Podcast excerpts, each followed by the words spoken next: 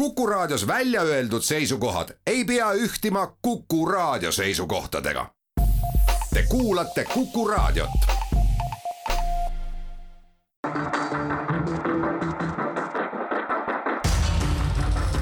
muuli ja Aavik. muuli ja Aavik tere päevast, kell on seitse ja pool minutit üle teistkümne ja nagu reedeti ikka, hakkab sel kellaajal saade Muuli ja Aavik, stuudios on Kalle Muuli ja Mart Jaavik. tere kõigile! räägime esimeseks koalitsioonileppest, uue valitsuse alusdokumendist, mis siis just äsja või, või mõned kümned minutid tagasi sai äh, allkirjad ja mis on ka sedavõrd värske, et avalikustati alles täna hommikul teiseks räägime ministritest ehk siis uue valitsuse koosseisust. Kolmandaks äh, äh, räägime eurotervisest, nimelt on juhtunud selline asi, et kahekümne aasta jooksul esimest korda on äh, euro kurss või euro odavam kui dollar, noh hetkeseisu ma päris täpselt ei tea, sest ei saa siin arvuti kaudu lausa jälgida, aga aga seal äh, piirimail nad äh, kõiguvad ja kord on üks all ja kord teine peal, nii nagu Vestman ja Piibeleht. neljandaks räägime siis sellest, mis on kirjutatud Uberi nimelise hargmaise ettevõtte lobist nii Eestis kui üle maailma. ja viiendaks vaatame, kuidas äh, läheb Eestis väga hoogsalt nüüd pärast Ukraina sõja algust lahti läinud Äh, sõjahaudade äh, monumentide kõrvaldamine ja siis äh, nende säilmete ümbermatmine sinna, kus on nende õige koht ehk surnuaiale. muuli ja Aavik. aga alustame siis koalitsioonileppest, värskelt allkirjast sa saanud dokumendist, mis peaks siis Eesti riigielu suunama järgmised kaheksa-üheksa kuud, võib-olla ka natuke vähem, sõltub, kuidas see valimiskampaania seal edeneb ja kuidas äh, valitsus vastu peab. aga kui sellist üldmuljet jagada, siis äh, tegemist on minu jaoks äh, erakordselt lühikese dokumendiga, eile Isamaa volikogul ma sain seda esimest korda näha, siis oli paberi peal kahele A4 leheküljele trükituna mahtus ta ära, no tõesti, kirbu kirjas, aga, aga siiski koalitsiooni, teiste koalitsioonilepetega võrreldes on siin erakordselt palju numbreid, kuupäevi, tähtaegu, väga konkreetne on, sellist sõnavahtu, nagu tavaliselt koalitsioonilepetes on, kus on loetakse kokku, mitukümmend korda on kasutatud sõna tõhustama ja mitu korda, mitukümmend korda on kasutatud sõna parandama. parendama Parend..., parendama. no ja, ja siis analüüsitakse veel midagi vahepeal. Et, et seda kõike ei ole ja selles mõttes ta on pigem mulle meenutab sellist äh, valitsuse tegevuskava või, või valitsus vahel koostab endale saja päeva programmi või mingisuguse sellise asja, et selleks kuupäevaks teeme selle asja ära ja ja tolleks kuupäevaks teise, kusjuures need kuupäevad, mis siin on, on ju ikkagi väga kiired. esimene oktoober tuleb äh, hakata äh, maksma mingisuguseid ja mi minna juba üle elektri universaalteenusele ja, ja lastetoetuste ja ja mõned muud seadused tuleb vastu võtta juba esimeseks novembriks. et selles mõttes ma arvan, et tegemist on üldjoontes väga õnnestunud dokumendiga, noh, kusjuures peab ütlema, et ta ei hõlma ju kogu mingit riigielu paketti, et selliseid pealkirju nagu kultuur või või, või mingid maksud, neid ei ole siin üldse, et võetud on lihtsalt äh, need probleemid, mis on riigi ees kõige pakilisemad ja no, nende kohta on siis seisukohad tehtud. mainitud on siiski üheksat roomanumbritega tähistatud peatükki, nii et üks peatükk igaks kuuks, äh, mis sellel valitsusel ees seisab. ja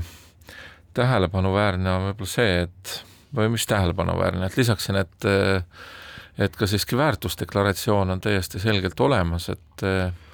et kui see koalitsioon peaks eh, toimima, ega siin karisid on ju ka päris palju, et ega elektrituru reform või paljud muud asjad ei ole mingisugused lihtsad nähtused, rääkimata ka näiteks metsandusest, mis siin üle, üles loetud, kus on kembeldud aastaid ja aastaid nagu kitsed purdel. ja siis on lootus, et ühe korraga üheksa kuuga üks minister lahendab midagi ära. et see ei ole selline et eks me alles hakkame nägema, mis sellest, mis sellest asjast välja tuleb. üks äh, võib-olla et erakordne asi, mis selles koalitsioonileppes on ja mida ma ei mäleta, et varasemates kunagi oleks olnud, et oleks äh, olnud koalitsioonileppes peatükk, kus äh, mis kõlab, et äh, ühe teise riigi toetamisena, Ukraina toetamise peatükk on täiesti olemas, see on muidugi asjakohane ja ja selge ja vajalik. aga noh, kui vaadata neid Äh, asju üldiselt me võime siin ka peatükkide kaupa minna, aga aga kui midagi üldiselt ütelda, siis mina ütleks niiviisi, et veel kuu aega tagasi äh, öeldi väga paljude asjade kohta, mis siin koalitsioonileppes on kirjas, et neid ei saa isegi mitte arutada. Neid ei saa enne sügist isegi mitte arutada, enne eelarvet ei saa neid arutadagi. nüüd on neid arutatud ja ka kokku lepitud ja, ja, ja väga hästi sai. et selles mõttes nagu äh, alati pugeda ta, selle taha, et me peame ootama midagi ja, ja saama veel ühe majandusprognoosi kuskil augusti lõpus või, või midagi sellist. et see kindlasti äh, et sellest dokumendist minu meelest ei õhku küll sellist äh, venitamist, et teeme kuidagi, peame kuidagi märtsi alguseni vastu ja jagame need ministrikohad omavahel ära ja, ja kõigil on ilus ja tore olla, et see on ikkagi väga selline konkreetne äh, ja, ja väga suurte eesmärkidega töödokument. nojah, et, et mõneti on need, osa neist eesmärkidest ikkagi ka lühiajalised ei ole mina see, kes nüüd esimesena selle kallal ilguks, aga tõepoolest see nii kipub olema, et et äh, kohati ei saa aru, kas sotsiaaldemokraadid ja Isamaa on näiteks rollid vahetanud, et et Isamaa on ikka parempoolne erakond olnud ja seisnud Eesti majanduse konkurentsivõime eest ja nii, aga aga nüüd olete väga palju sotsiaaltoetusi nõudnud. ja teistpidi sotsid tegelevad maksulangetustega siis? noh, mitte ainult, et ma arvan, et, et me peaks seda lepingut käsitlema ikkagi juba valitsuslepinguna ja, ja see komme, mis siin on kahetsusväärsel viisil võib-olla viimasel nädalal või, või, või ka eelviimasel kõlanud, et et igaüks tõstab seda oma mingit rolli siit esile, et vot meie saavutasime selle ja meie saavutasime selle, meil on pikem pink ja teil on lühem pink, et see, ma arvan, et tuleks uues koalitsioonis ära lõpetada, see on üks kõige, kõige näotum asi, aga noh, kui me tahame ütelda, et mida keegi siin sai ja, ja kelle mm. poolt miski asi oli, nagu sa ütlesid, no siis ega sotsidel on ju ka nelikümmend miljonit mm. hooldekodudele, mis minu meelest ja nüüd sa ütled jälle, et Isamaa ei ole parempoolne. mina ütlen, et minu meelest on see väga asjalik asi. Iseasi, et võib-olla, et selle reklaamimisega on natukene üle pingutatud selles mõttes, et inimesed võib-olla et ootavad, et nüüd hooldekodud läheksidki kohe selliseks, et pensioni eest saaks seal elada. aga jutt käib siiski neljakümne miljoni äh, panustamisest ja, ja ma ei kujuta ette mm., mis need, mis need summad siis saavad olema, et päris, päris pensioni eest vist äh, ei hakka veel järgmisel aastal olema kõik see asi. aga mina tõstaks esile ikkagi seda eestikeelse hariduse ja kõrghariduse rahastamise punkte, et äh, kui see koalitsioon nüüd on, ma saan aru, et sotsidel on veel mingisuguseid eriarvamusi ja ja nii ei lähe ja nii ei lähe ja nii ei lähe, aga aga et kui see koalitsioon nüüd kolmekümne ühe iseseisvuse aasta ja taasiseseisvumise aasta jooksul tõepoolest nagu paneb selle asja vedama niimoodi ja tähtajad on ka ju ikkagi veel kaugel, et äh, aastad ja peaaegu et kümnend, aga et kui me saame lõpuks ometi selleni, et et meil ei ole seda paralleelühiskonda siin ja, ja saame liita need inimesed, kes on siis otsustanud, et nad ei lähe oma ajaloolisele emamaale ehk Venemaale tagasi, eh, ikkagi Eesti ühiskonnaga, et eh, see on suur asi.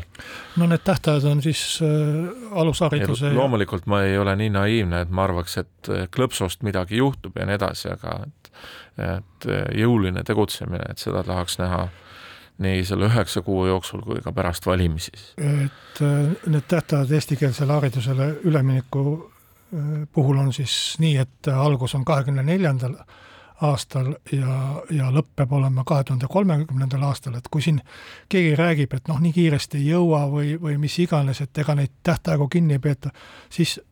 ega selliste pikaajaliste eesmärkide puhul juhtub sageli, et, et lähebki mõni aasta üle.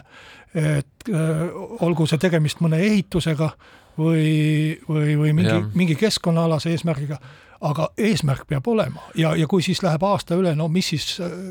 hirmus no, traagika sellest hirmus on? traagikat ei ole, eks ole, aga me räägime valdkonnast, kus, mis on noored lapsed äh,, aasta on hariduses ja lapse elus väga-väga pikk aeg, rääkimata siis sellest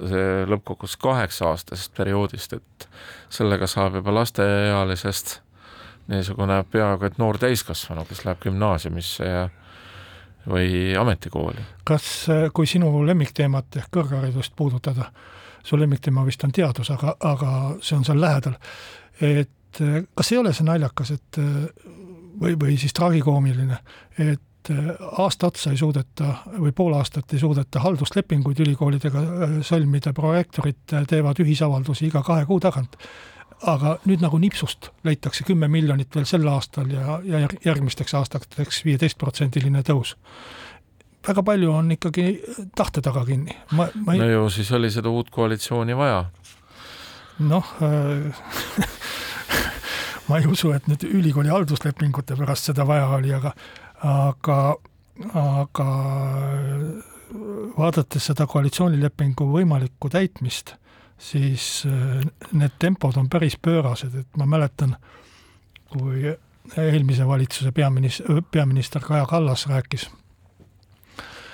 et äh, noh, mis meil siin on jäänud, kui ta hakkas, alustas koalitsiooniläbirääkimisi, see oli avalik jutt, nii et äh, mis käis umbes nii, et mis meil siin on jäänud, meil, meil on kaks suvekuud, siis on üks jõulukuu ja, ja siis on valimiskampaania, noh, neli-viis kuud saabki uus valitsus valitseda, et tegelikult ma arvan, et valitsus peaks ära unustama igasugused puhkused, kui sul on kaheksa kuud aega antud. No mida sa puhkad, taevas alasta, hakka tööle, et äh, ma saan aru, et Euroopas on poolteist kuud sellist, kus äh, lind ka ei lenda, rääkimata, et riigiametnik tuleks kuskilt Kapri saarelt ära. aga, aga need tähtajad, mis selles koalitsioonilepingus on kirja pandud, on äh, mu meelest ikkagi noh, päris pöörased. et elekter universaalteenusena esimesest oktoobrist hakkaks äh, äh, oleks võimalik seda rakendada, see, selleks on ju äh, vaja kõigepealt äh, seadusandlikke dokumente, aga selleks on ka vaja praktilisi lahendusi ja ja, ja seda peab siis tegema see elektrimüüja ettevõtja ja, ja nii edasi ja nii edasi. et äh, si, siin ei ole küll midagi teha, nii et äh, ma arvan, et kui šampanja on joodud, siis tuleb kohe tööle hakata. no nii see on jah, et äh, karisid on siin väga palju ja juba on seda koalitsioonilepet ka siit ja sealtpoolt kritiseeritud. Kui ma seda teksti loen, siis ma ütlen, et eh, me peame tegelikult nägema seda tegevust, et sa ütlesid, see on väga konkreetne, väga äh, niisugune-naasugune, aga ka selle konkreetsuse juures on, me ju teame, et need valdkonnad on keerulised äh, ja takistusi, tõkkeid võib tulla siin igasuguseid. ühe pisiasja ütlen selle lepingu kohta veel, mida kindlasti tasub tähele panna, et Vene ja Valgevene kodanikelt korjatakse relvad ära või vähemalt relvaload Äh, eks selle rakendamisega on, kuidas on, ja ühe negatiivse märkuse ütlen selle äh, koalitsioonileppe kohta ka, mida ma oleks tahtnud siin sees näha, aga mida siin ei ole ja, ja mida tegelikult ka Isamaa tahtis, aga äh, ei saavutanud. Ehkki on räägitud, et Isamaa peaaegu kõik saavutas, aga see ongi peaaegu, et üks asi jäi ära, me tahtsime võtta ära Vene kodanikelt ka valimisõigust kohalikel valimistel aga see kahjuks ei õnnestunud, partnerid ei olnud nõus. aga teeme siinkohal äh, reklaamipausi.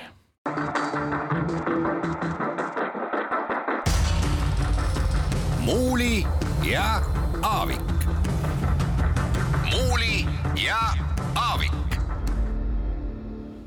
ja nüüd kõneleme edasi äh, siis äh, nendest ministritest, kes on saanud Äh, või saamas uue valitsuse liikmeteks. ja üks, mis silma paistab, on see, et hästi palju on neid, kes ei ole olnud varem valitsuse liikmed ja ka neid, kes ei ole, kellel puudub nagu poliitiline kogemus parlamendi tegevusest ja see on omaette küsimus, et et noh, eks Eestis ikka on olnud nii-öelda spetsialistidest ministreid või, või toonud erakonnad juurde väljastpoolt ka lausa värvatuid, kes ei ole veel selle erakonna liikmed see ei ole midagi ebatavalist, aga proportsioon on vist küll päris suur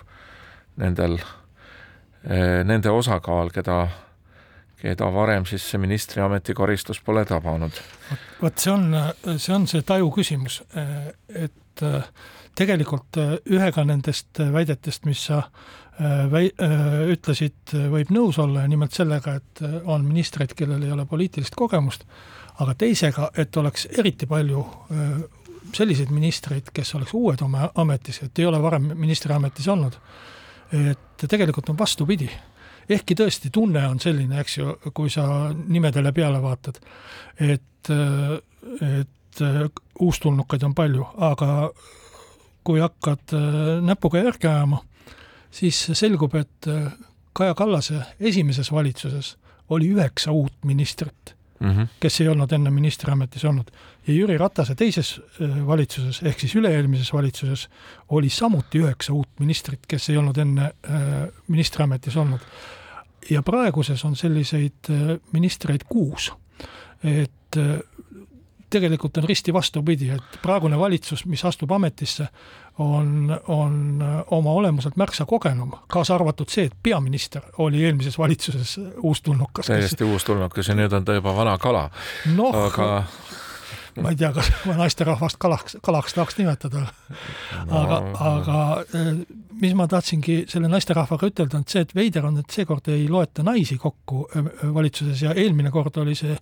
hirmus tähtis teema, et oleks hästi palju naisi et.... no ma arvan, et see on kontrasti küsimus, et üle-eelmine valitsus oli selline, kus naisi oli suhteliselt vähem kui kui võib-olla mõnel, e-, mõnes eelnevas valitsuses ja selle, sellest see jutt tuli, eks ole, aga et ega siin ju ka daamide puudust ei ole, et Reformierakonna delegatsioonis on kolm-kaks naiste kasuks, eh, sotsiaaldemokraatide delegatsioonis, kes alati rõhutavad seda tõmbluku meetodit, on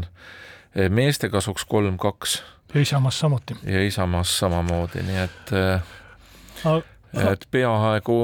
võib öelda nii pool ja pool kui see küsimus huvi pakub. aga ma tahtsin, tahtsin just nagu selle sissejuhatusega küsida seda, et et üks asi on olla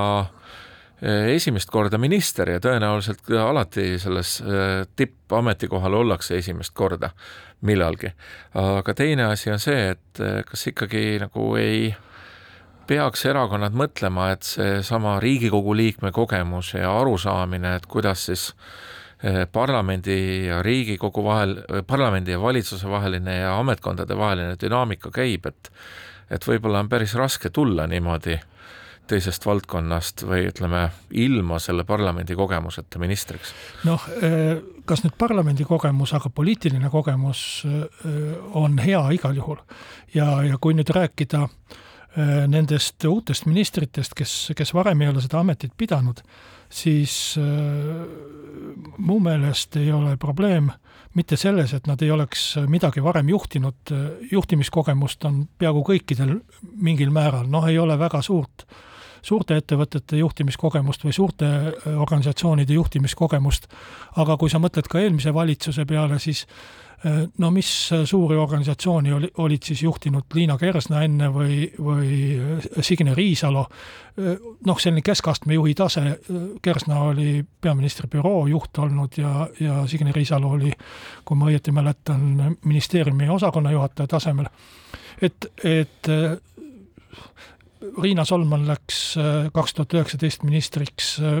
ministri nõuniku ametikoha pealt, kus ei ole mingit suurt organisatsiooni otseselt all juht, juht, juhtida. et, äh, et see on üks asi, aga poliitiline kogemus on, on tõesti mu meelest selline asi, et kui see puudub ja, ja ütleme, kahel Isamaa ministril uuel on see nii, et,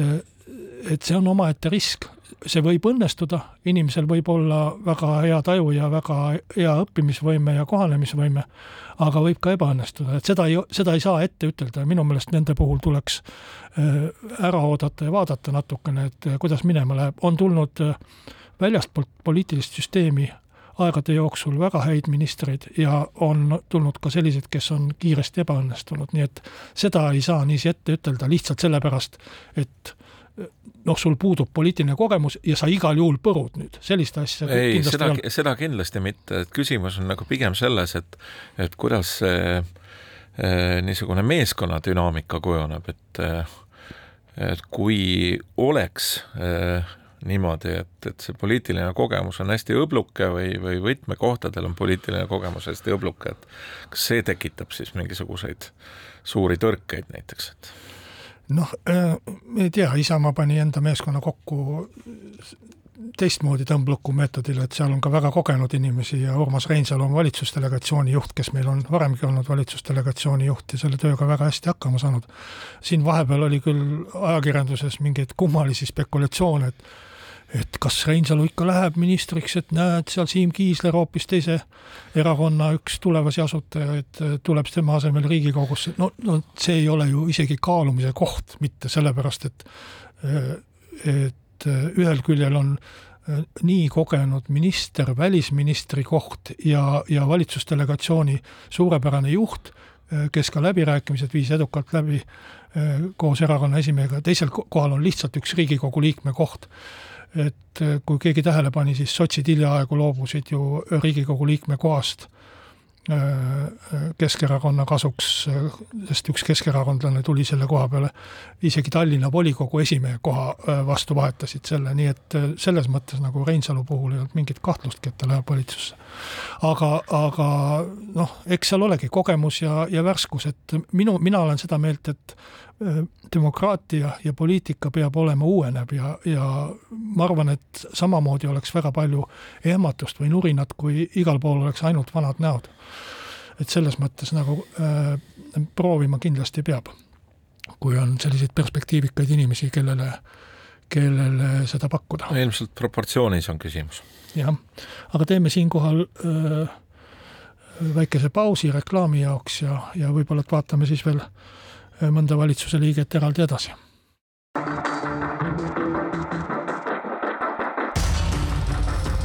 muuli ja Aavik. muuli ja Aavik. jätkame saadet Martti Aavik ja Kalle Muuli räägime veel natukene äh, uutest ministritest, et kui vaadata delegatsioonide kaupa, mis on siis võrdse suurusega viis, viis, viis, mulle tundub, et see kipub juba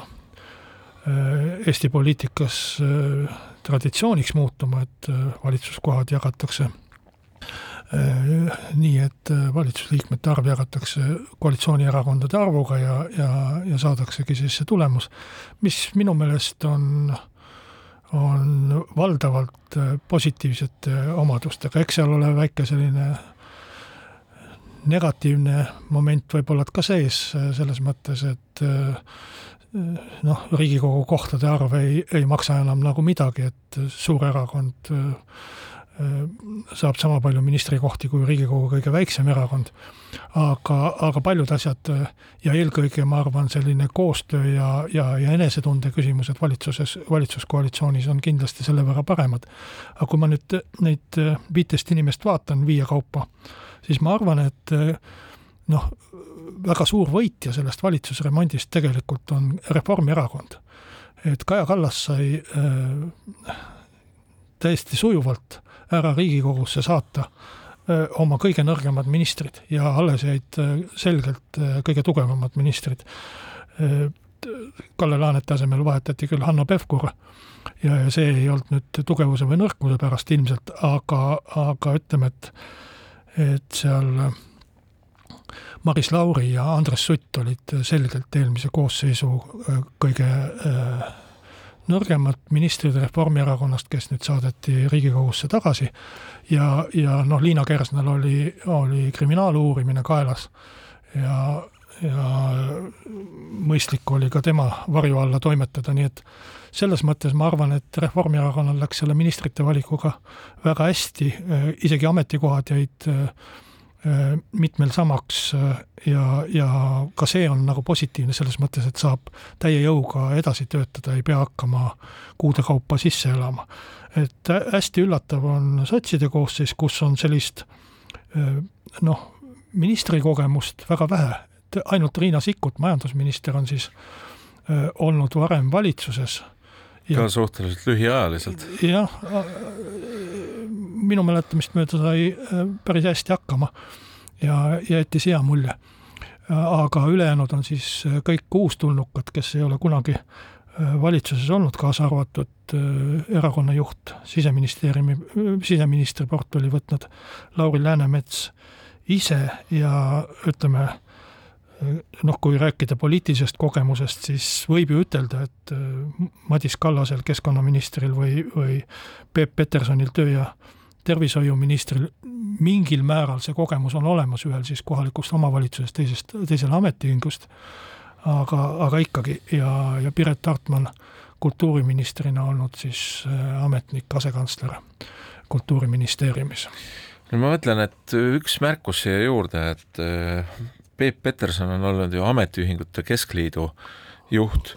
ja tegelikult on mõned sellised organisatsioonid Eestis, kus eks äh, tööandjate ja töövõtjate esindajad, kes väga olulistes äh, otsustuskogudes osalevad praktiliselt päevast päeva ja on ilmselt ütleme sellise reaalsete poliitiliste vaidluste, ka poliitiliste vaidluste keskel võib-olla rohkem kui üks keskmine Riigikogu liigegi, eks ole, et pean silmas siis neid sotsiaalkassasid, mis, mis meil eh, niisuguse mitmesaja-aastase traditsiooni järgi juba on eh, siis tööturu osapoolte tähtsa osalusega ja ja ma mõtlen, et ma olen alati imestanud, et et Tööandjate Keskliit või või ka ametiühingud ei ole nagu selline suure poliitilise lennu stardipakk, pigem vastupidi, et võib-olla on siin probleem selles, et et Riigikogu tuleks natukene atraktiivsemaks tööandjaks teha, aga see on juba teine teema. jah, noh,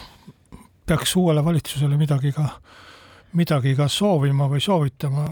et ma arvan, et uutele ministritele, kes ei ole varem selles ametis olnud, et süvenege oma teemasse, ärge andke pikki intervjuusid, kogemuste puudus viib kindlasti selleni, et ütlete mõne vale sõna, mida pahatahtlikud äh, aasiad äh, hakkavad teile kuude kaupa nina alla hõõruma. et äh, aeg on aeg on väga lühike ja, ja, ja selles mõttes äh, peaks, peaks keskenduma ikkagi no, miks sa selliseid, miks sa selliseid soovitusi siin tasuta jagad, et äh, nüüd sa ahendad meie võimalusi kust sa tead, et mulle ei maksta selle eest, aga, aga see selleks. aga äh, ja, ja mis ma võib-olla koalitsioonipartneritele soovin, kuna noh, see kooslus on üle pika aja, võiks ütelda uus, vähemalt nende esimeeste ajal ei ole sellist nende erakondade koalitsiooni olnud, kõik on uued esimehed selles mõttes sellises äh, kombinatsioonis. et äh, püüdke vältida üksteise arvel enese upi-, upitamist. seda on juba juhtunud ja seda, seda sellist väikest müra, et äh, see pikapeale sööb koalitsiooni ära. et poliitikas võiks ka juurduda see, et partnerit tajutakse partnerina, et tahetakse, et partneril läheb hästi. millal ma sain aru, et eelmine valitsus on omadega läbi, oli möödunud aasta detsembris, kui ma kuulsin ühte Reformierakonna liiget eh, rõõmustamas selle üle, et Keskerakonna reiting langes. saad sa aru, eh, mida see tähendab, kui mu partneril läheb halvasti? see tähendab ju seda, et ta tahab sellest valitsusest ära. või ta tahab sellest valitsuses hakata selliseid asju tegema, et tema ka silma paistaks ja, ja üksinda rebima. et äh, koalitsioonis võiks olla täpselt samamoodi, nii nagu on äris partnerid, nii nagu on tööl partnerid, et nad püüavad või, või nii nagu on jalgpallivõistkonnas äh, meeskonnaliikmed, et nad püüavad, et nad koos saavutavad hea tulemuse ja et kõigil läheks hästi. et, äh, et see eneseupitamine, et meie saime rohkem, teie saite vähem, äh, reformile tehti üldse ära, et minu meelest see ei kõlba koalitsiooni ja nüüd, kui see koalitsioon on sõlmitud, leping allkirjastatud, tuleks võtta hoopis teistsugune hoiak, vastasel korral kõik need suured asjad, mis õnnekombel on saanud koalitsioonilepingusse, jäävad lihtsalt tegemata. aga lähme siit vast edasi pisut teiste teemadega. mind päris äh, Äh, ehmatas äh, äh, keset seda nädalat teade, et euro on langenud allapoole dollari taset, sest see peegeldab ikkagi tulevikku. ehk seda, mida kardetakse või, või, või oodatakse, oodatakse on võib-olla vale sõna, eelkõige ikkagi seda, et nähakse, et Euroopa majandus hakkab kukkuma kõvasti või juba kukub ja, ja jääb teistele suurtele majandustele alla. sellist asja, et euro oleks olnud äh, odavam kui dollar, et sellist asja ei ole kakskümmend aastat juhtunud ja, ja minu meelest on see väga märgiline äh, asi, isegi kui nad seal enam-vähem võrdsel piiril äh, noh, püsivad. see ju tähendab seda, et need, kellel on varasid, need oma positsioonide ja fina-, raha Äh, oma positsioonide kindlustamiseks äh, ostavad eurode eest dollareid. noh, see on, see on üks ja, asi, jah. ja massiliselt, eks ole, ja need fundamentaalsed tegurid siin all ja eks see on nagu see, et äh, sellest, kui hästi nüüd selle Venemaa-Ukraina vastase sõja ja, ja energiakandjate sõja järelmitega toime tullakse ja kui Äh, hästi tullakse sellega toime lühiajaliselt kui hästi pikaajaliselt energeetika uuendamisega, see ongi selle võti, et et äh, ja, ja lõpuks noh, ääremärkusena lihtsalt alati tasub meelde tuletada, et maagaas on ka keemiatööstuse tooraine, mis on kohati võib-olla tähtsam kui see kodutar-, kodutarbijate kütmine, eks ole. Eurol on kaks probleemi, üks on see, et on pikaaegne rahatrükk olnud katteta raha on äh, käibele lastud, aga, aga sama probleem on ju USA-s ja dollaril, et see, see kütab inflatsiooni, äh, Ameerika viimane inflatsioonimumber vist oli üheksa juures, äh,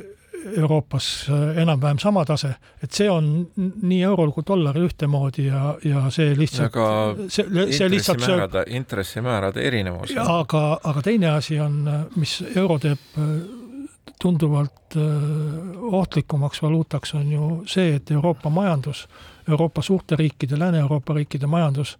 on äh, seotud äh, Vene energiaallikatega aastaid räägiti, et Venemaa kasutab energiat relvana ja nii edasi, nii edasi, keegi ei uskunud seda, kõik rääkisid, oi ei, mis, väga tore, saame odavalt gaasi ja odavalt naftat. nüüd, nüüd me näeme seda odavat gaasi ja odavat naftat, et ja te, ja teine asi, mis minu meelest äh, ei ole Euroopas hästi, on see, et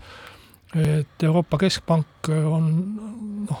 täiesti halvatud või ei, ei suuda tegutseda niiviisi, nagu öö, äh, tegutsevad teised keskpangad, kus tõstetakse jõuliselt intressimäärasid inflatsiooni ohjeldamiseks. Euroopa Keskpank lihtsalt ei saa seda endale lubada. ometi oli see kõik ju ette teada, ega Itaalia laenukoormus ei ole kuskilt eile taevast alla sadanud, et see on ikkagi pikaajaliselt kujunenud ja, ja ja noh, mina küll küsiks, et kas poliitikud vastutavad alati valimistel oma tegude eest. Aga kus kohas Euroopa Keskpank, mil-, milline, milline Euroopa Keskpankur vastutab selle eest, mis ta on oma otsustega teinud ja ja, ja, ja, ja kokku keeranud, et see on ju põhimõtteliselt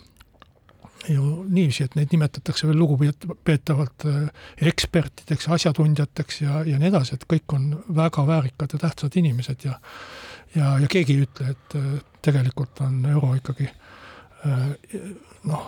väga suures osas vussi keeratud just sellega, et ei ole jälgitud neid Maastrichti kriteeriumeid, on trükitud vastutustundetult raha ja, ja tehtud kõike muud asju, mille puhul on öeldud, et küll me pärast selle vaos hoiame. aga aga si paraku läheb ikka nii, nagu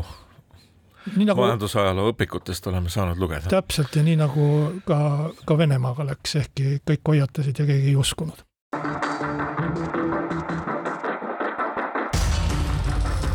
Muuli ja Aavik.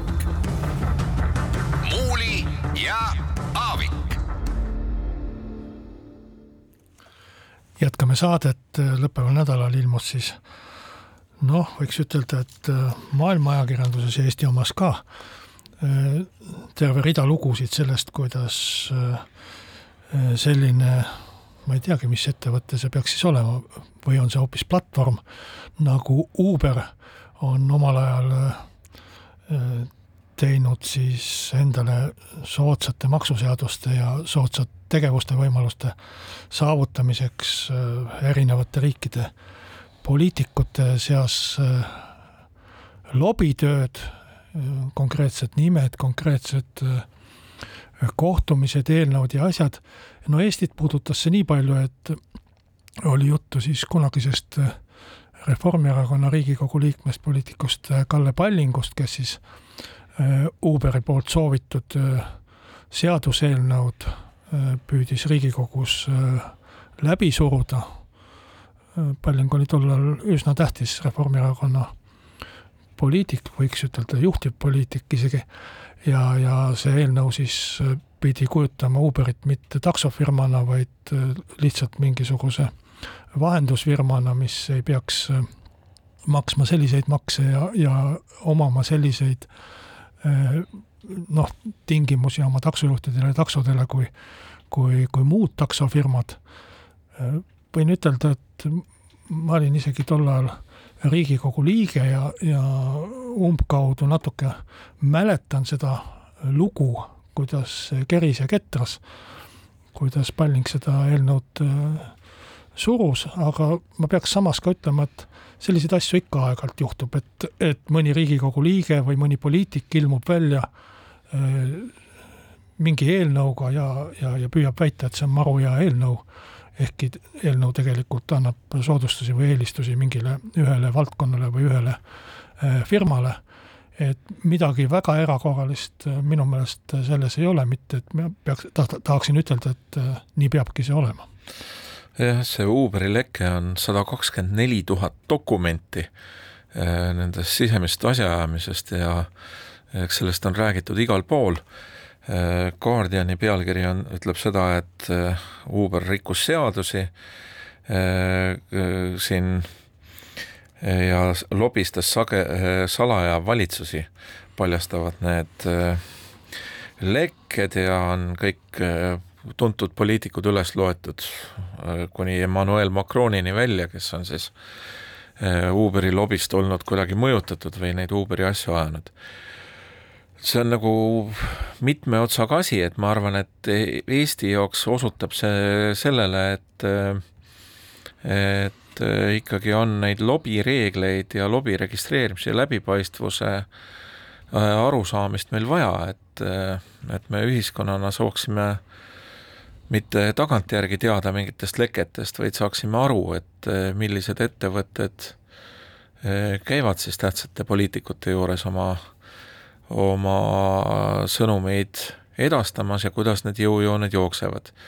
lõpuni niisugune läbipaistvuse reeglistik ka kunagi mingisugust äh, tulemust ei anna, sellepärast et äh,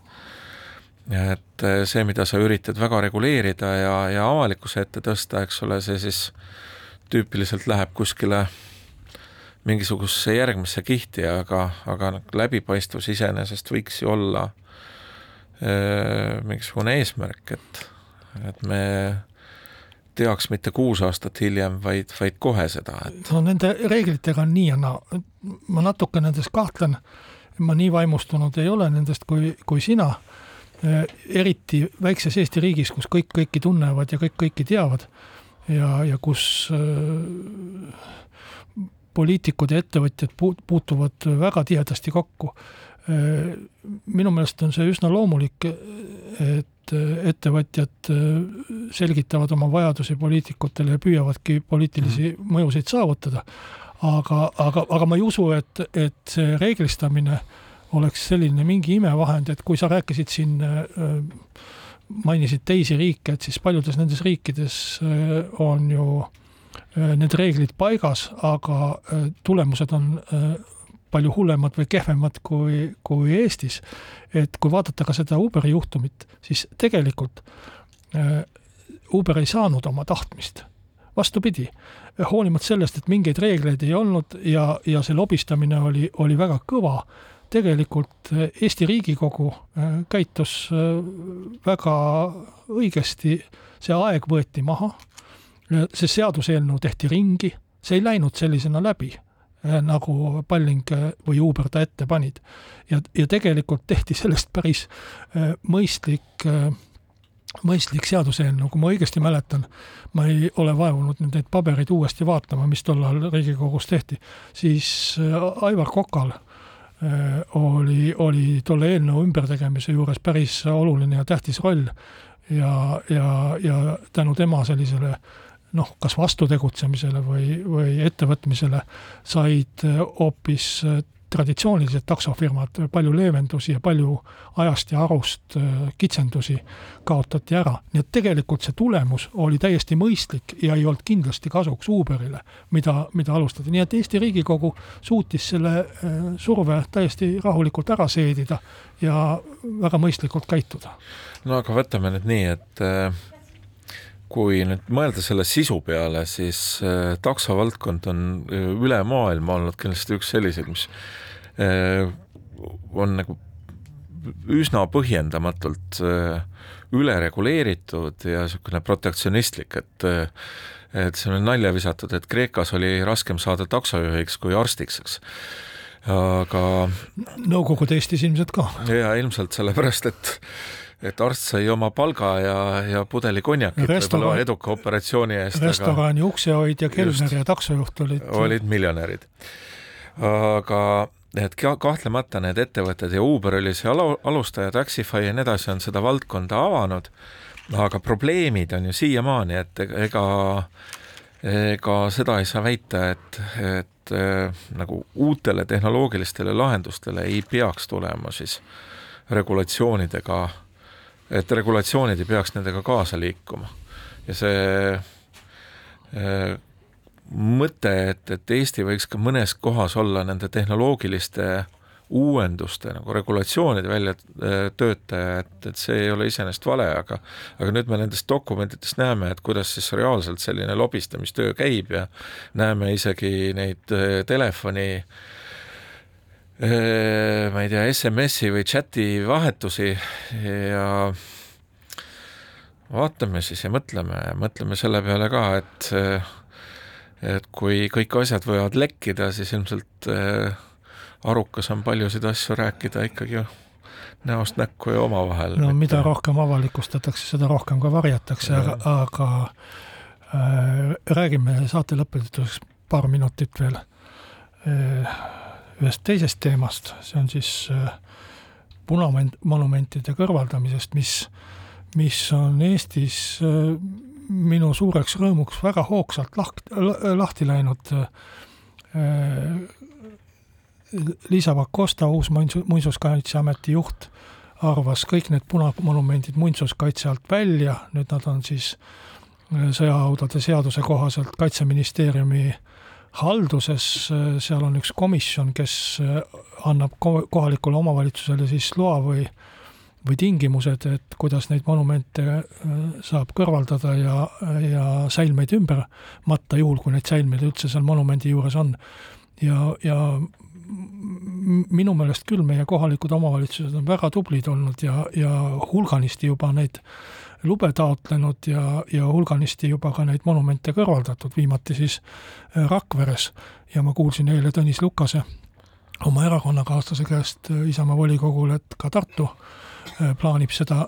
kohe teha, nii et igati teretulnud, on, on läinud sujuvalt ja, ja hästi, iseasi muidugi, mis saab Ida-Virumaast ja, ja sealsetest linnadest, kus jah, et need tee kolmekümne neljad maantee ääres et sellel võiks olla ikka lõpp. aga mul on ka hea meel sellest, et Eesti riik tegeleb selliste asjadega väärikalt ja et see protsess on äh, nojah, et ei, ei lasta õhku ja ei sõideta buldooseriga üle, vaid ikkagi et, äh, langenutele ja hukkunutele äh, tagatakse väärikas matmispaik, see on õige asi. see on õige asi, et, et äh, noh, ka hoolimata sellest, et tegemist on meie okupantidega ja anastajatega, väga sageli on, on ikkagi langenud sõduri kohtlemine kultuursel ja, ja, ja viisakal moel ja üleüldse inimese säilmete kohtlemine selline, missugune sobiks ikkagi kultuurriigile ja et nad maetakse ümber matusepaikadesse sõja, sõja või äh, kalmistutele, sõja ajal oli, oli neid matmisi ju väga juhuslikult ja, ja igasugustesse kohtadesse, isegi Tallinna kesklinnas olid ju, olid ju äh, säilmed, mis sinna kuidagi ei sobinud. nii et äh, võib-olla, et saate lõpetuseks soovikski siis kohalikele omavalitsustele jõudu tööle, kasutage see äh, noh, Ukraina sõja poolt loodud äh, võimalus ja, ja äh, hetk õigeks tegutsemiseks ära ja, ja tehke meie maa nendest kol-, koledatest äh, mälestusmärkidest puhtaks. sest iga selline on ausalt öeldes läbi nende aastate olnud ka mulle nagu solvang ja, ja hingekriipiv meeldetuletus sellest, et koledast ajaloost kõike head teile järgmisel reedel jälle Martti Aavik ja Kalle Muuli.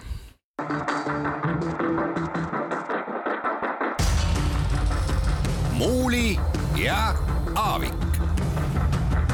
muuli ja